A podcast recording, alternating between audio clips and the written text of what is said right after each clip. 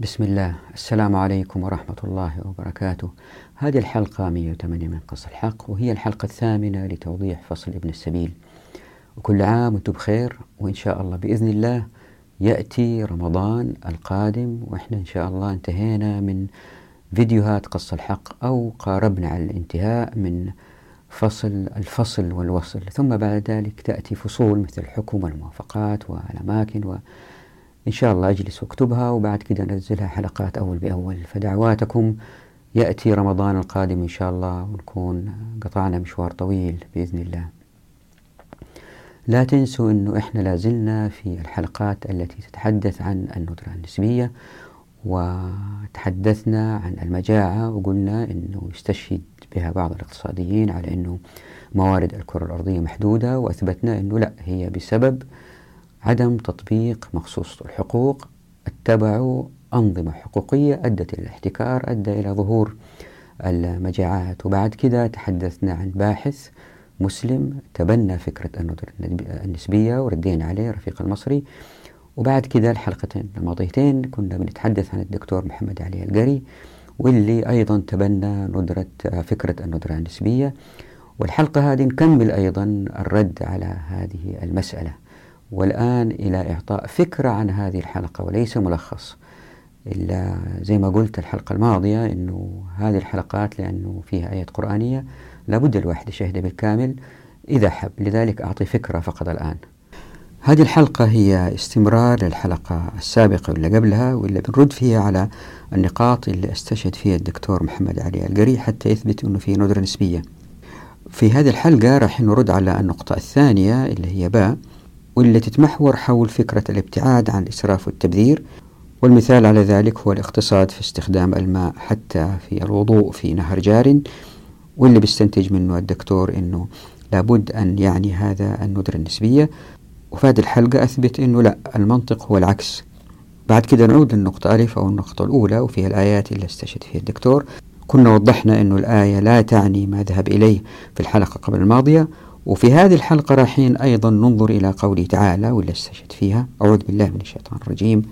والأرض مددناها وألقينا فيها رواسي وأنبتنا فيها من كل شيء موزون وجعلنا لكم فيها معايش ومن لستم له برازقين وإن من شيء إلا عندنا خزائنه وما ننزله إلا بقدر معلوم. تلاحظوا في هذه الآيات الثلاثة في كلمات موزون مرينا عليها وفي معايش وفي خزائن وفي ننزله بقدر معلوم. هذه كلها إشارات زي ما استنتج أن فيها ندرة نسبية. فنناقش هذه الكلمات خزائن موزون ونبين أنه هل الاتزان المقصود فيها هو اتزان في ضيق أو اتزان في سعة. وفي مناقشة المعايش نمر على قوله تعالى أعوذ بالله من الشيطان الرجيم. حتى إذا أخذت الأرض زخرفها وزينت وظن أهلها أنهم قادرون عليها. أتاها أمرنا ليلا أو نهارا. فجعلنا حصيدا كأن لم تغن بالأمس. واللي يميز هذه الحلقة أنه نمر على آيات كثيرة لكن ما راح أذكرها كلها أذكر بعضها. فمثلا نمر على آيات الإسراف مثل قوله تعالى أعوذ بالله من الشيطان الرجيم ثم صدقناهم الوعد فأنجيناهم ومن نشاء وأهلكنا المسرفين وقوله تعالى أعوذ بالله من الشيطان الرجيم أولم يسيروا في الأرض فينظروا كيف كان عاقبة الذين من قبلهم كانوا أشد منهم قوة وأثاروا الأرض وعمروها أكثر مما عمروها. هذه الآيات التي تتحدث عن الإسراف وتتحدث على أنه البشر عمروا الأرض أكثر مما عمروها. فيها مؤشرات على أنه الأصل في الأشياء ليس الندرة ولكن الكثرة. وإلا كيف تمكنت هذه الشعوب من زخرفة الأرض والاستمتاع بهذه الخيرات إن لم تكن غير كافية؟ والآن الآيات اللي أستشهد فيها فيها كلمات مثل خزائن الواحد يضطر أحيانا في الدخول في مسائل العقيدة مثل هل الخزائن هذه موجودة في السماء ولا هي في الأرض ولا؟ وكيف تنزل الخيرات إذا كانت هي في السماء إذا الله سبحانه وتعالى ينزلها وعنده خزائن هذه الخيرات؟ فوضح أنه كيف الواحد يمكن يوضح هذه المسائل من غير الدخول في مسائل العقيدة حتى ما يقع في إشكالية أنه هذا أشعري ولا ما تريدي أو أحاول محاولة وإن شاء الله أنجح فيها. فمثلا قوله تعالى أعوذ بالله من الشيطان الرجيم وإن من شيء إلا عندنا خزائنه وما ننزله إلا بقدر معلوم. هذه الواحد إذا ناقشها من حيث عقيدة يمكن يخش في شوية مطبات. فبحاول أتلافى هذه المطبات. فوضح أنه زيادة الخيرات في الكرة الأرضية قد تأتي من الإنزال من هذه الخزائن وأنه قد لا يكون ذلك وأنه زيادة الخيرات ليس بالضرورة من الخزائن أنه الله سبحانه وتعالى قادر على أنه يغير تركيبات المعادن الموجودة في الكرة الأرضية بتغيير أعداد إلكتروناتها بروتوناتها نيوتروناتها فتتغير من معدن أو من عنصر إلى عنصر آخر. وأبين أنه يمكن الزيادة في الخيرات في الكرة الأرضية قد تكون من خلال التقدم المعرفي. يعني عندنا إنزال من السماء وعندنا تغيير من حال لحال في عناصر الكرة الأرضية وفي عندنا التقدم المعرفي. فأوضح هذه الثلاث الاحتمالات بمحاولة تلافي الدخول في مسائل العقيدة لأنه هذا ليس تخصصي. بعد كده نمر على مسألة لابد من نناقشها ألا وهي البركة والتقدير في الخيرات. فنمر على قوله تعالى أعوذ بالله من الشيطان الرجيم. وجعل فيها رواسي من فوقها وبارك فيها وقدر فيها أقواتها في أربعة أيام سواء للسائلين. فطبعا يمكن البعض يستنتج من هذه الآية أنه الأصل في الموارد الشح لذلك هنالك بركة لأنه إذا في بركة على طول معناته ما في شح. فحتى تكون في بركة لابد أنه الأصل يكون شح. فأبين أنه المسألة لا ليست كذلك هي بالعكس. فنمر على أقوال فقهاء السلف رضوان الله عليهم لتوضيح تأويلاتهم لمعنى قدر وبين أنه ولا واحد منهم قال أنها تأتي بمعنى الشح في الموارد.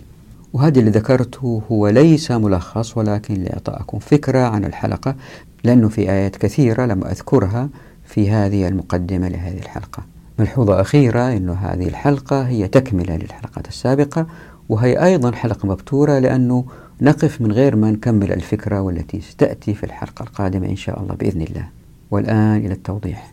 إذا تتذكروا في الحلقة قبل الماضية قرأنا النقاط اللي استشهد فيها الدكتور محمد علي القري حتى يثبت أن في ندرة نسبية وأنه في الحلقة ديك والحلقة اللي بعدها الماضية حاولنا نثبت أنه الاستشهاد بقوله تعالى أعوذ بالله من الشيطان الرجيم ولو بسط الله الرزق لعباده لبغوا في الأرض ولكن ينزل بقدر ما يشاء إنه بعباده خبير بصير.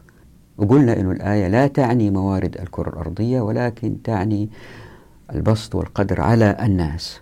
وقبل ما ننتهي من الرد على هذه المسألة ذهبنا أيضا في الحلقة الماضية إلى آيتين وقرناهم وحتى نثبت أنه العكس أنه موارد الكرة الأرضية بآية القرآن تثبت أنه هي خير كثير وليس المقصود أنه الله سبحانه وتعالى قدر ما على الأرض من خيرات لكن هي على الأفراد وهذه تتغير بسبب سلوكياتهم. وهنا في توضيح مهم لما أقول قدر أو لم يقدر ليس المقصود بالقدر أنه سبحانه وتعالى قدر الأشياء والمقادير لكن المقصود أنه سبحانه وتعالى عندما وضع المعادن وقدرها فليس المقصود بإنقاصها على الكرة الأرضية ولكن إنقاصها على بعض الأفراد بسبب سلوكياتهم. الآن في هذه الحلقة نذهب إلى النقطة الثانية ونرد عليها وبعد كده نرجع للنقطة الأولى. آه طبعا طولنا في النقطة الأولى لكن باقي النقاط تمشي بسرعة بس النقطة الأولى لأنها هي اللي هي الأهم هي اللي طولنا فيها. النقطة الثانية اللي يستشهد فيها أنه موارد الكرة الأرضية محدودة هي النقطة باء واللي يقول فيها إن الأوامر الشرعية التي تنظم الاستهلاك تحث في مجملها على الاقتصاد في استخدام الموارد والابتعاد عن التبذير والإسراف. إذ حتى لو كان المسلم يتوضأ من نهر جار فمطلوب منه أن يقتصد في استخدام الماء. ولو كانت الموارد غير محدودة لما برزت الحاجة إلى مثل هذا السلوك. فهو إذا دليل على المحدودية. إن التبذير والإسراف في استخدام الموارد بدون حاجة سيؤدي إلى تخصيص غير أمثل لها وحرمان أشخاص آخرين أو أجيال أخرى منها. ذلك إذا دليل على ندرة تلك الموارد. تلاحظوا من هذا الاقتباس أنه بيستشهد بمسألة حث الإسلام لنا على عدم الإسراف والتبذير أنه مؤشر على أنه في ندرة نسبية. يعني وكأنه بيقول إذا الناس أتوضوا بإسراف وتبذير الموية راح تخلص على الآخرين. استغفر الله كل هذه المحيطات وإمكانية تحلية هذه المياه بالتقدم المعرفي في المحيطات وراح تخلص المياه. أنا أعتقد أنه إذا واحد فكر في هذه المسألة حث الرسول صلى الله عليه وسلم لنا على عدم الإسراف والتبذير في الوضوء مثلا أنه هذا مؤشر بالعكس أنه موارد الكرة الأرضية أكثر من كافية. ليش؟ خلينا أضرب مثال. الآن إذا كان في شاب عايش في مجتمع محافظ جدا ما ترى منه ولا إصبع آه، فتاة أو امرأة. وهذا الإنسان لم يزني. طبعا هو لا يستطيع أن يزني لأنه في مجتمع مسلم محافظ مثلا كل الفتيات مزوجات. ما في امرأة مطلقة أو بنت أو إلا كلهم مزوجات يزني مع مين؟ هل هذا زي واحد عايش في مجتمع إباحي مفتوح ويمكن يتصاحب مع زميلته في الجامعة ومع أستاذته ومع جارته في السكن ومع الكل ويقدر يزني مع الكل ولأنه خاف الله سبحانه وتعالى أتى يوم القيامة نظيف. هل هذا زي هذا؟ الله أعلم الله يحكم. لكن فتنة هذا الذي هو في وضع صعب ومسك حاله أكبر من فتنة هذا بكثير. نفس الشيء الماء. إنسان إذا مسك حاله وهو بيتوضأ وعنده كل الماء هذا غير عن واحد آخر عايش في منطقة ما فيها مياه أصلا وعليه بس أنه يتوضأ بقارورة ماء. أيهما أكثر أجر؟ لأنه التزم بحث الرسول صلى الله عليه وسلم. بالتأكيد اللي يعيش في بيئة فيها كل شيء. نفس الشيء اللي يروح بوفيه في العزائم في الفنادق كل أنواع الأكل موجودة هل هذا اللي أخذ على قده وأكل ورجع تاني عبى على قده؟ زي هذا اللي عبى الصحن كله بعدين رماه الإسلام بيحثنا على عدم الإسراف والتبذير مو عشان موارد الكرة الأرضية غير كافية. هي لنا إحنا عشان نلتزم بالسلوك. وقد تكون في مبررات أخرى والله أعلم. ما, ما لا أريد الدخول في هذه المسألة تفصيليا لأنه فيها أخذ وعطاء.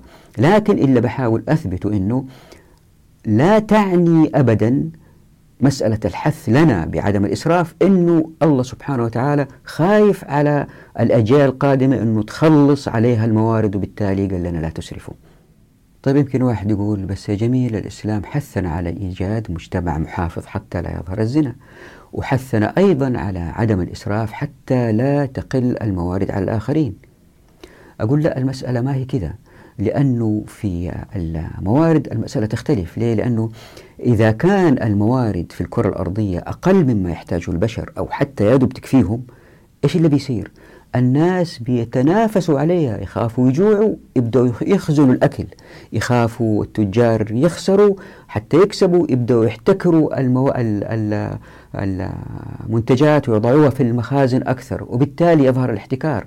فعدم الإسراف هو تهذيب للنفس البشرية وليس مؤشر على أنه موارد الكرة الأرضية قليلة. ليه؟ لأنه بكل بساطة الواحد يجي في الآخر يقول يا رب موارد الكرة الأرضية قليلة وأنا عندي أطفال كثر. يجب أني أستعجل وأجمع الكثير من الأكل وخليلهم هو حتى يأكلوه. يا رب أنا خفت أنه يجيني مرض كذا أو كذا خزنت من التمر ما يكفي أو خزنت من هذه المادة ما يكفي للمستقبل. فالناس تكون لهم حجج. لكن إذا كان الموارد أكثر من كافية ووقت ما تبغى تقدر تاخذ ولا تبغاه تقدر تاخذه طيب أنت بتسرف ليه؟ الخير موجود بتسرف ليه؟ فمسألة ال ال ال الحث على عدم الإسراف والتبذير لا تعني أبدا أن موارد الكرة الأرضية فيها ندرة نسبية. والآن خلينا نعود للنقطة الأولى اللي أثار الدكتور محمد علي القري واللي أستشهد فيها في الآيات عشان نرد عليها واللي قال فيها أن دلالة الآيات الآنفة على عدم وجود المشكلة الاقتصادية غير قطعية.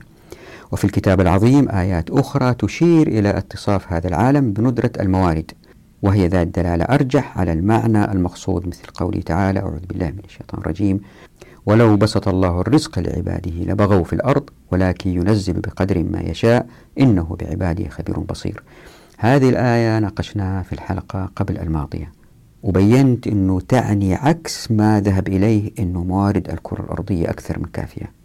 الآية الثانية اللي بستشهد فيها واللي رايحين الآن نناقشها هي قوله تعالى أعوذ بالله من الشيطان الرجيم. والأرض مددناها وألقينا فيها رواسي وأنبتنا فيها من كل شيء موزون. وجعلنا لكم فيها معايش ومن لستم له برازقين. وإن من شيء إلا عندنا خزائنه وما ننزله إلا بقدر معلوم. فدل ذلك على أن الموارد في الأصل غير متاحة لبني البشر بالطبيعة ولكن الله ينزل ما يشاء كيف يشاء ومتى شاء ينزلها بقدر معلوم وهذا وصف قريب لواقع الموارد في فرضية الندرة. يمكن الواحد يلاحظ من الآيات اللي استشهد فيها في سورة الحجر أعوذ بالله من الشيطان الرجيم والأرض مددناها والقينا فيها رواسي. الواحد يفهم من الآيات الثلاثة هذه أنه في خزائن وأن الله جلت قدرته ينزل منها ما يشاء بقدر معلوم. هذا المفهوم في الظاهر. إلى هنا ما في إشكالية لأن الآية لم تشر قط إلى الندرة النسبية. لأن الخزائن قد تكون كبيرة جدا والله بنزل منها بكميات كبيرة جدا. لكن الدكتور والله أعلم يبدو أنه أستنتج من الخزائن ومن الإنزال بقدر معلوم أنه في ندرة نسبية. وإلا كيف وصل لاستنتاجه؟ للرد أقول الآتي وأنا أدرك تماما أنه بعض القراء إذا لم يكونوا مؤمنين وبالذات إذا لم يكونوا من علماء الشريعة هذه الردود لن تكون مقنعة لهم. لكن تذكروا أنه بأضع هذه الردود بالرجوع للنصوص من القرآن لأنه الباحث أستنتج من الآية القرآنية فبنرد عليه بالآية القرآنية. وفي الحديث عن نظرية مالثس راح نرد بطريقة منطقية على الناس اللي بيقولوا في ندرة نسبية. طيب الرد يكون كالآتي. إذا نظرنا إلى السياق نجد أنها مكونة من ثلاث آيات. الآية الأولى والتركيز فيها على قوله تعالى موزون هذه ناقشناها في حلقة سابقة بالتفصيل يا ريت ترجعوا لها. وكنت وضحت أنه موزون تشير إلى أنه الموجود في الكرة الأرضية يعني الاستدامة. موزون تعني الاستدامة من كل الخيرات وأنه ما يمكن الاستدلال بها على محدودية الموارد. طيب خلينا نقول الآن يظهر نقاش عن هذا الاتزان موزون. هل هو اتزان في ضيق أو في سعة؟ إذا نظرنا للآية الثانية في السياق أي قوله تعالى أعوذ بالله من الشيطان الرجيم وجعلنا لكم فيها معايش ومن لستم له برازقين. طبعا إحنا كمسلمين نؤمن انه الله سبحانه وتعالى معطي واهب وهاب رازق رزاق كريم جواد. فهل يكون الاستنتاج من قوله تعالى معايش انه اللي وضعه سبحانه وتعالى على الأرض وفير بقدر جوده وكرمه؟ أو إنه بقدر كفاية الناس اللي ما لهم حد في الشهوات بالذات إذا لم يكونوا مسلمين. يمكن الواحد يجاوب ويقول لا يمكن القياس على شهوات الناس لأنه ما لا حد بالذات إذا كانوا مسرفين في مجتمع طبقي. لذلك بأنظمة الحقوق الحالية ستظهر الندرة النسبية إذا الموارد غير كافية. الرد يكون كالآتي كيف تأخذ الأرض زخرفها؟ ألم يقل الحق سبحانه وتعالى في سورة يونس أعوذ بالله من الشيطان الرجيم. إنما مثل الحياة الدنيا كماء إن أنزلناه من السماء فاختلط به نبات الأرض مما يأكل الناس والأنعام حتى إذا أخذت الأرض شوفوا زخرفها وزينت. وظن أهلها أنهم قادرون عليها. أتاها أمرنا ليلا أو نهارا فجعلناها حصيدا كأن لم تغن بالأمس. كذلك نفصل الآيات لقوم يتفكرون. وقوله تعالى في سورة الروم أعوذ بالله من الشيطان الرجيم. أولم يسيروا في الأرض فينظروا كيف كان عاقبة الذين من قبلهم. كانوا أشد منهم قوة وأثاروا الأرض وعمروها أكثر مما عمروها. وجاءتهم رسلهم بالبينات فما كان الله ليظلمهم ولكن كانوا أنفسهم يظلمون. طبعا في آيات أخرى كثيرة حول هذه السنة وهي أنه سبحانه وتعالى يمهل غير المسلمين ويعطيهم الفرصة تلو الفرصة ويزينوا الأرض ويعمروها يعني في موارد كافية. حتى إذا أخذت الأرض زخرفها أو حتى عمروها أكثر مما عمروها وهم في ترف وإسراف ورغد من العيش جاءهم العذاب. فكيف يكون الترف والإسراف إن كانت الموارد محدودة؟ خلينا فقط نقرأ الآيات اللي فيها معاني الإسراف والتبذير. قال تعالى في سورة الأنبياء أعوذ بالله من الشيطان الرجيم. ثم صدقناهم الوعد فأنجيناهم ومن نشاء. وأهلكنا المسرفين. فكيف يكون إهلاك المسرفين إذا لم يسرفوا في الموارد؟ وقال تعالى في سورة الواقعة أعوذ بالله من الشيطان الرجيم. إنهم كانوا قبل ذلك مترفين. وقال عز وجل في سورة المؤمنون وقال الملؤ من قومه الذين كفروا وكذبوا بلقاء الآخرة وأترفناهم في الحياة الدنيا. ما هذا إلا بشر مثلكم يأكل مما تأكلون منه ويشرب مما تشربون.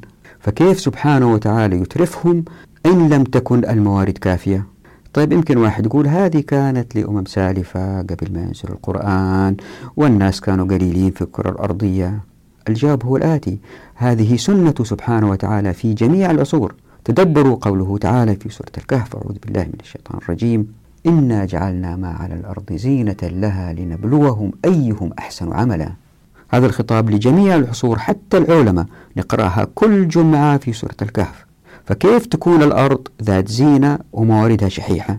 هكذا بمثل هذه الآيات نستنتج أنه سبحانه وتعالى يكثر الخير ويعطي الأمم الفرصة والفرصة من الرحمن الرحيم ليزداد التمحيص. لعل الناس يرجعون إليه سبحانه وتعالى. يعني ما يمكن الاستدلال من هذه الآيات إلا رجع إليه الباحث. أن هنالك ندرة نسبية لأنه سبحانه وتعالى هو اللي أخبرنا أنه جعل فيها معايش. لذلك هذه المعايش ستكون بما يوافق كرم الكريم الجواد وليس كرم.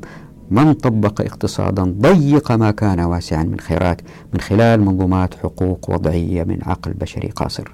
وبالنسبة للآية الهامة اللي استنتج منها الدكتور القري أنه في ندرة نسبية هي قوله تعالى أعوذ بالله من الشيطان الرجيم. وإن من شيء إلا عندنا خزائنه وما ننزله إلا بقدر معلوم.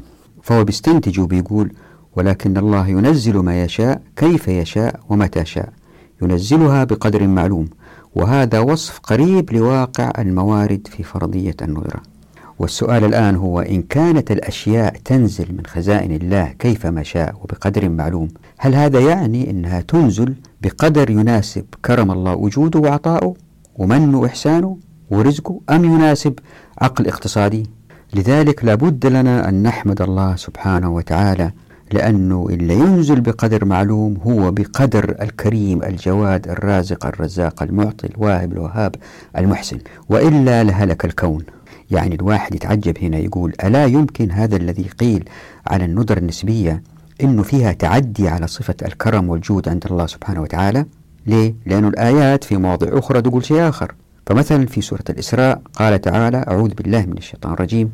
قل لو أنتم تملكون خزائن رحمة ربي إذا لأمسكتم خشية الإنفاق وكان الإنسان قتورا. ويمكن إذا لاحظتوا أخواتي المشاهدات المشاهدين من بداية قص الحق أتلافى دائما الدخول في مسائل العقيدة. وأحيانا الإنسان يضطر للدخول فيها ويحاول زي في حالتي أنا أني أخرج منها من غير ما أتصادم مع أحد لأنه مجال تركيزي هو في الحركيات اللي هي حقوق وبحاول أثبت أنه الشريعة كما نزلت هي الأمثل لجميع البشر. ولا أريد أن أفقد جماعة بالحديث عن العقيدة لأني أخاف أني أغلط لأني لست متخصص في العقيدة وحتى إن كنت متخصص في العقيدة وعندي جميع الأدلة اللي تقنعني أقع في مشكلة مع الآخرين. أرجو ألا أحاسب على اللي أقول الآن لأني لست متخصص في العقيدة. فإلا أقول الآتي أنه الباحث يمكن من كلمة خزائن آه، ما أدري هل هو تصور أنه في مخازن فوق كذا في السماء وتنزل منها الأقوات والمعادن باللي يكفي الناس ولا هو أنه يمكن حتى الواحد يكبر الموضوع يتخيل مخازن كبيرة فوق في السماء ولها أبواب وفي حرس وفي وينزلوا ويسجلوا ولا يعني الواحد لما آه، يشوف كلمة خزائنه والكلمات هذه في القرآن إلا أعتقد أنا أنه آه، في مسائل العقيدة هذه أنه ما نحاول نفهم هي كيف تكون ليه؟ لأنه الله سبحانه وتعالى قال عن نفسه أعوذ بالله من الشيطان الرجيم بل يداه مبسوطتان ينفق كيف يشاء فالواحد يبدأ يسأل أسئلة عن هذه يعني هو يده كيف هي يدين ولا أكثر و وما ننسى قوله تعالى في سورة الزمر أعوذ بالله من الشيطان الرجيم وما قدر الله حق قدره والأرض جميعا قبضته يوم القيامة والسماوات مطويات بيمينه سبحانه وتعالى عما يشركون. فهذه المسائل كلها تضيع الواحد أحيانا. ما نقدر نقول كذا أو مش كذا ما نعرف لأنه لا نرى الأشياء هذه. في مسألة بس فكروا فيها تخوف جدا. أنا مرة جلست أفكر فيها يعني. ما كان في زمن الله خلق الزمن. فكروا في هذه. يعني إحنا عايشين نعرف كل شيء له أول وآخر. الإنسان يتولد يموت. الكرة الأرضية خلقت وتموت. تنتهي في يوم من الأيام. الكون كله قد ينتهي والله أعلم متى؟ طيب الله سبحانه وتعالى متى بدأ؟ إذا تفكر في هذا السؤال تتجنن. ما تصل لنتيجة. فليش تفكر في السؤال هذا؟ لأنك لن تصل إلى نتيجة أنه كيف الله سبحانه وتعالى خلق الزمن وكيف الوجود من غير زمن. مثلا الأشياء اللي يفكر فيها الإنسان ما كان في حزن الله خلق الحزن ما كان في ضحك الله خلق الضحك. فهذه المسائل أنا أحاول أتلافاها وأخرج منها لأني ماني قدها. فاللي أحاول أثيره هنا في مسألة الخزائن أنه ما يصير نستنتج أنه في خزائن فوق وينزل منها. ويمكن نستنتج أنه في خزائن ما أنا ما أقول ما في يمكن في بس لا أريد السؤال هذا. طيب وإذا في هل حجمها صغير بحيث أنه يكفر الكرة الأرضية ولا هو أكبر من هذا الكون كله بالتالي ما في ندرة نسبية. فلا تنسوا يا إخوان أنه من أسس العقيدة أنه الإنسان يجب أن يؤمن بالغيبيات. وإذا كانت هذه الغيبيات لا تصل إلى مستوى أنه عقله يفهم هذه الغيبيات يسلم فيها. قال الحق سبحانه وتعالى في سورة البقرة أعوذ بالله من الشيطان الرجيم. الذين يؤمنون بالغيب ويقيمون الصلاة ومما رزقناهم ينفقون. يعني فقط إن فقهنا معنى قوله تعالى أعوذ بالله من الشيطان الرجيم في سورة الشورى ليس كمثله شيء. سنتوقف إن شاء الله بإذن الله على المناقشات التي لا تنتج إلا الضغائن والتي ما ظهرت إلا لقصور عقول البشر. يعني يجب أن نقول كما قال أهل السنة والجماعة مثلا في مسألة الاستواء. الاستواء معلوم والكيف مجهول والسؤال عنه بدعة. طيب ما مناسبة هذا الذي قلته عن العقيدة والتصور للأشياء اللي لا يمكن يتصور العقل؟ ما مناسبة هذا القول؟ أعوذ بالله من الشيطان الرجيم. وإن من شيء إلا عندنا خزائنه إلا أستشهد فيها الدكتور. للتوضيح أقول ما أعتقد أنه من المناسب في هذه المسائل تشبيه أو حتى التفكير بكل ما هو متصل بالله جلت قدرته بمعايير البشر. فمثلا إن كانت الخزائن محدودة عند البشر فهذا لا يعني بالضرورة أنها محدودة عند الله الكريم الجواد. لاحظوا أن الخزائن اسمها خزائن عند البشر تعني أنها محدودة جدا لكن ليس بالضرورة أن تكون كذلك عند الله سبحانه وتعالى. أنا ما بقول إنها محدودة ولا بقول إنها ليست محدودة. بقول إنه خلينا نتلافى الخوض في هذه المسألة. وإنه لا نعلم وما في ضرورة إنه نعلم لأنه الغيب الذي أمرنا أن نؤمن به. ثم إن قال سبحانه وتعالى وما ننزله إلا بقدر معلوم فهذا لا يعني الإنزال بالمفهوم البشري. وفي الوقت ذاته لا ينفي الإنزال بل نؤمن ولكن دون نقاشه لأن الرسول صلى الله عليه وسلم وصحابته من بعده لم يناقشوا مثل هذه المسائل. لهذا إذا كنت مسلمة أو كنت مسلم أقول لكم إن الخيرات تنزل من عند الله بنص الآية. ويجب أن نؤمن بهذا دون السؤال كيف. يمكن واحد يجادلني ويقول ولكنني لا أرى المعادن تهبط. فكيف في خزائن تنزل؟ أرد وأقول ما ندري شايفين الشهب بتنزل وبتنزل معها المعادن وأحيانا تهبط بكميات كبيرة. لكن هذا لا يعني أبدا أن نفسر الإنزال على أنه بهذه الطريقة. مسألة أخرى مهمة هي السؤال الآتي هل الله سبحانه وتعالى الخالق الخلاق بحاجة لإنزال برغم أن الآية تشير لذلك؟ فزي ما أثبت لنا العلم أنه جميع العناصر تتكون من نواة بها بروتونات ونيوترونات وتدور حول النواة الإلكترونات. وأن الاختلافات بين خصائص العناصر هو في عدد البروتونات. وجميع هذه الأجسام تسبح بحمد الله سبحانه وتعالى. ألم يقل الحق سبحانه وتعالى في سورة الإسراء؟ أعوذ بالله من الشيطان الرجيم. تسبح له السماوات السبع والأرض ومن فيهن وإن من شيء إلا يسبح بحمده. ولكن لا تفقهون تسبيحهم إنه كان حليما غفورا. ألا يشمل قوله تعالى وإن من شيء البروتونات والنيوترونات والإلكترونات وحتى مكوناتهم من أجسام أصغر مثل الكواركس ألا يستطيع الخالق الخلاق تغيير أعداد هذه الأجسام التي تسبح بحمده بقوله كن فيكون كن فيكون ذكرت ثمانية مرات في القرآن. عندها تصبح الصخور ذهبا في موضعها دون ما أي إنزال بتغيير أعداد البروتونات. الله قادر إذا أراد بالنسبة لنا كمسلمين. مسألة أخرى أن الله سبحانه وتعالى ما يحتاج أنه ينزل من السماء ولا أنه يغير المواد إلى مواد أخرى. لكن اللي بيصير مع التقدم المعرفي الله هي البشرية إلى أنهم يستفيدوا من المواد اللي هم ما هم شايفين منها الاستفادة الآن. مثلا النفط كان زمان أول قبل ما يكتشفوا أنه مصدر للطاقة وأنه مصدر لتصنيع لتصنيع البتروكيميكالز كانوا يعتقدوا أنها برك فيها سائل أسود ومزعجهم. بعدين اكتشفوا أنه ذهب أسود. نفس الشيء يمكن يأتي يوم يروا الرمال هذه اللي في الصحراء إلا ما هم شايفين منها فائدة يروا لها فوائد مع التقدم العلمي والانفتاحات العلمية. فالله سبحانه وتعالى ينزل ولا يغير المواد ولا يهدينا لطرق أخرى إحنا ما نعرف. فما نستطيع أن نستنتج من هذه الآيات بعقلنا البشري القاصر مثل هذه الاستنتاجات التي تدل على أنه موارد الكرة الأرضية غير كافية. وأخيرا المسألة الآتية. مين قال أنه الخزائن مكان بالضرورة؟ يعني ليس بالضرورة أن تكون مكان. ليه؟ ألم يقل الحق سبحانه وتعالى؟ أعوذ بالله من الشيطان الرجيم. أم عندهم خزائن رحمة ربك العزيز الوهاب؟ يعني السؤال هنا يظهر كيف توضع الرحمة في الخزائن؟ بالطبع أنا ما راح أحاول أجيب على السؤال لأنه أعتقد أنه في السؤال بدعة نفسه. لكن أتيت بهذا السؤال حتى أربط بين رحمة الله التي لا حد لها وبين ما لدى الله من خير لا حد له. فهنالك كما أثبتت الاكتشافات ملايين النجوم التي تخلق في لحظات من عدم. الآن وجميع هذه المجرات ونجومها بإمكانه سبحانه وتعالى الواحد القهار تحويلها في لحظة إلى معاد نادرة وفاخرة بقوله كن فيكون. يعني الاستدلال بالآية الكريمة على أنها تشير إلى الندرة النسبية بالنسبة لي تسطيح واضح.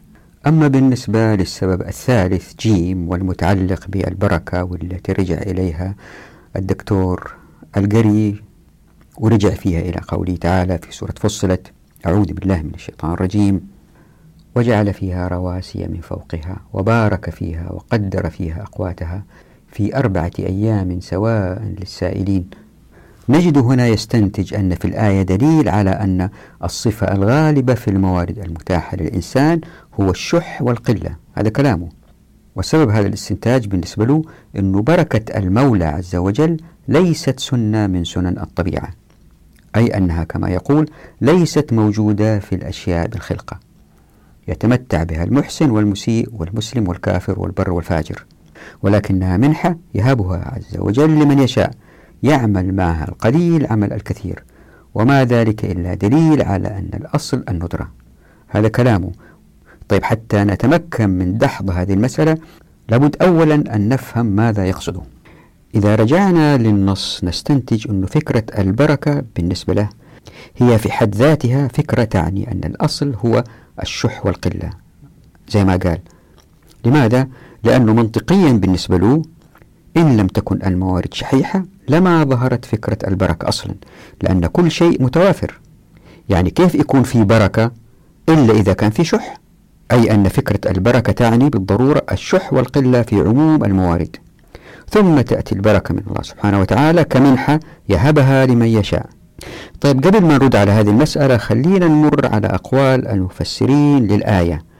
وضعت هنا في الشاشة تأويل ابن كثير وما في داعي أقرأه إلا حب يوقف الشاشة ويقرأ. تلاحظوا أنه من التأويلات أنه ما من تأويل قال بأن وقدر تعني النقصان. فزي ما أنتم شايفين في الشاشة أنه فيها إشارة إلى حكمة الله في وضع الخيرات المناسبة في المكان المناسب. وقد تأتي وقدر بمعنى الخلق أيضا كما قال الشيخ الشنقيطي رحمه الله في كتابه أضواء البيان واللي وضعته هنا في الشاشة في مقطعين. خلينا الآن ننظر لتأويلات أخرى لأهمية المسألة كدليل اللي يقولوا إنه في ندرة نسبية واللي ظهرت والله أعلم لأنه قوله تعالى وقدر أتت بعد قوله تعالى وبارك. ففهم بعض المعاصرين أنه بينهما تضاد وذلك لأنهم يعيشون في فساد توزيع الثروات. فذهب فهمهم أن قوله تعالى وقدر قد تأتي بمعنى الشح والعياذ بالله. وضعت هنا في الشاشة في أربع مقاطع اللي قالوا الطبري رحمه الله عن قدر وبارك. طبعا زي العادة ما في داعي أقرأ النص لأنه طويل لكن يمكن ألخصه بالقول أنه برغم الاختلافات بين أقوال الفقهاء إلا أنكم تلاحظوا أنه ما في أحد منهم قال أن قوله تعالى وقدر قد تعني الشح في الموارد لأنها أتت بعد قوله تعالى وبارك. فمن المفسرين من قال أنها تعني أرزاقها أي الأرض. ومنهم من قال أنها تعني أرزاق العباد ومنهم من قال أنها تعني أقوات أهلها ومنهم من قال أنها تعني تقديره جلت قدرته لما يصلحها. ومنهم من قال أنها تعني أنه قدر فيها جبالها وأنهارها وأشجارها. ومنهم من قال أنها تعني أن الله قدر فيها أقواتها من المطر. ومنهم من قال أن الله سبحانه وتعالى قدر في كل بلدة منها ما لم يجعله في الآخر منها لمعاش بعضهم من بعض بالتجارة من بلدة إلى بلدة. يعني وضع في هذا الإقليم تمر وضع في ذلك الإقليم زيتون وضع في ذلك الإقليم أماكن للرعي. فالناس ينقل هذه البضائع من مكان لآخر. هذا معنى التقدير في هذه الحالة.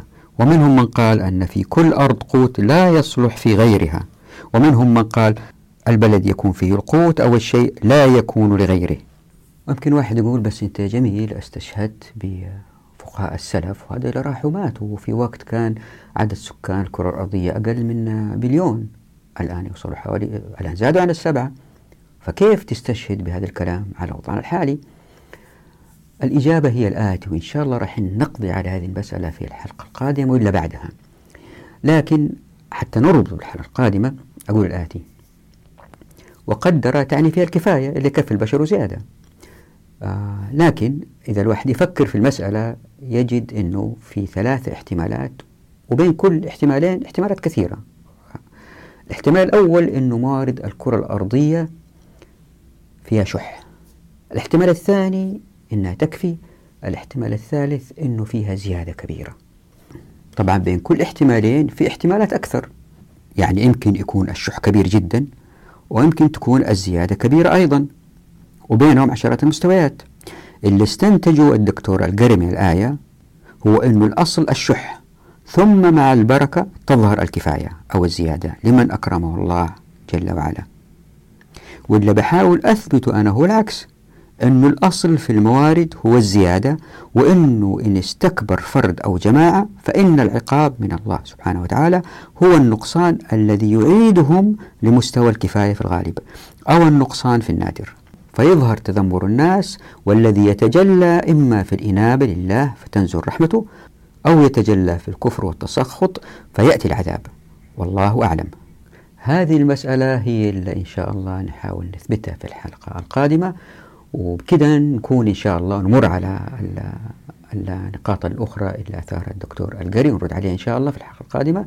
وفي الحلقة اللي بعدها نتحدث عن نظرية مالثس حتى نثبت أنه ما في ندرة نسبية في الكرة الأرضية وأنه هذا وهم العقل البشري القاصر. نقف هنا نراكم على خير في أمان الله ودعواتكم وكل عام وأنتم بخير.